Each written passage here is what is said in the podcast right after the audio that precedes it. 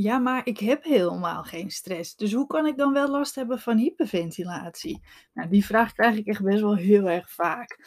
Dus hyperventilatie zonder duidelijke reden. De, de klachten overvallen je dan eigenlijk. Hoe kan dat? En, dus, en ook hyperventilatie zonder dat je heel bewust stress hebt. Nou, je merkt vaak niet dat je snel of anders ademt. En toch kan je heel veel klachten afvinken van die symptomenlijst.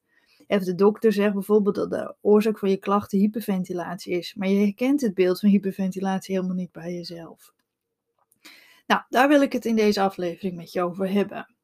Eerst eventjes, wat is hyperventilatie? Nou, als wij stress ervaren, dan wil je lichaam je helpen. Nou, dat heb ik je natuurlijk al in heel veel afleveringen uit, uitgelegd. Toch ga ik het nog eventjes een keertje vertellen. Nou, hè, als we dus stress ervaren, dan gebeurt er dus van alles in je lichaam. Hè? Dus onder invloed van die stresshormonen. En een van die dingen is dus dat die ademhaling zich versnelt. Nou, super handig hè, als je moet vluchten, vechten. Omdat je dan extra, er komt dus extra energie vrij. Maar als jij dus niet vlucht of vecht, dan verbruik je die extra energie niet. En dan ontstaat die onbalans in je lichaam. En die onbalans, die geeft je dus allemaal klachten. Maar vaak voelt het alsof die klachten je dan overvallen. Of zie je helemaal geen reden waarom je er last van hebt. En je merkt eigenlijk helemaal niks bijzonders aan je ademhaling. En echte stress, die, ja, die ervaar je misschien ook helemaal niet. En toch zal er altijd een reden zijn. En waarschijnlijk, of misschien, zijn er meerdere kleine factoren die meespelen. Ik noem even een lijstje op met oorzaken van die, tenminste met mogelijke oorzaken van hyperventilatie. Hè? Dus oorzaken van hyperventilatie kunnen zijn een hoge werkdruk, eh, moeizame familie of een moeizame relatie, ja, een hoog verantwoordelijkheidsgevoel, het gevoel dat je alles alleen moet doen, of dat, eh, dat eh, perfectionisme, oftewel je doet het zelf eigenlijk nooit goed genoeg, een negatief zelfbeeld, dus heel onzeker kunnen zijn over je, of heel negatief over jezelf denken. Je bent toch niet goed genoeg, of je bent niet mooi, of je bent niet slim, je bent niet snel genoeg.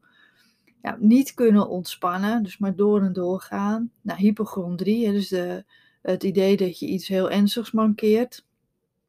Nou, rouw en verdriet.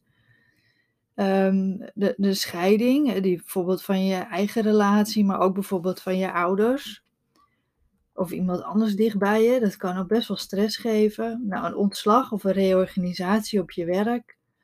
Maar ook onbegrip vanuit je omgeving. Dat is ook best wel heel, voor heel veel mensen echt wel een stressfactor. Nou, er alleen voor staan. het gevoel dat je, ja, dat je geen vangnet hebt.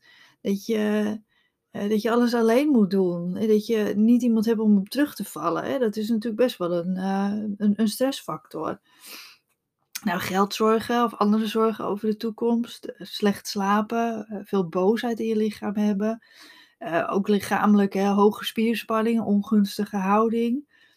Hè, dat, dat zijn allemaal uh, ja, dingen die een oorzaak kunnen zijn van onbewuste stress en dus van hyperventilatie. Maar ook oorzaken als uh, pijn, een traumatische ervaring, een angst- of paniekstoornis of een fobie maar ook longproblemen zoals COPD of astma. Doordat je longproblemen hebt, uh, kan je daarnaast ook hyperventilatie ontwikkelen. Uh, heel erg vermoeidheid, uh, zware lichamelijke inspanning, ook koorts, dus griep, hè, koorts. En zuurstoftekort in de bergen. Nou ja, die, die laatste twee, die zuurstoftekort in de bergen, dat is natuurlijk iets wat je tijdelijk hebt. Um, en want als je er zou wonen, dan ben je het eraan. maar als je op vakantie bent, het windsport, op zomersport en je bent in de bergen en je bent in de hoogte, ja, dan kan je wel eventjes acuut hyperventilatie krijgen, omdat het zuurstofgehalte gewoon anders is op dat moment.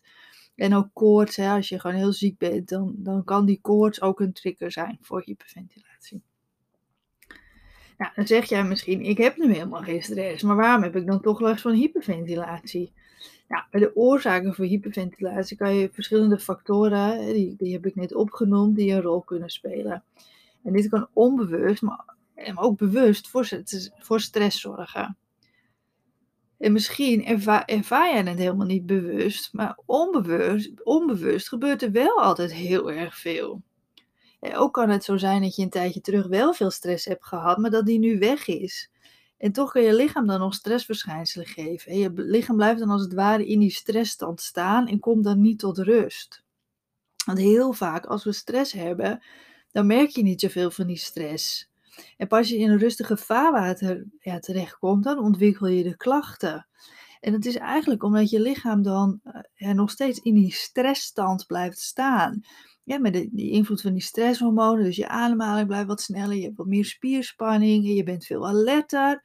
En, en ja, dus, dus op het moment dat je dan tot rust komt, dan verbruik je die extra energie natuurlijk niet meer.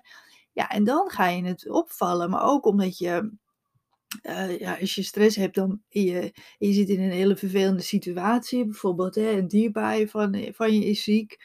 En dan, uh, ja, dan ga je maar door en door en door.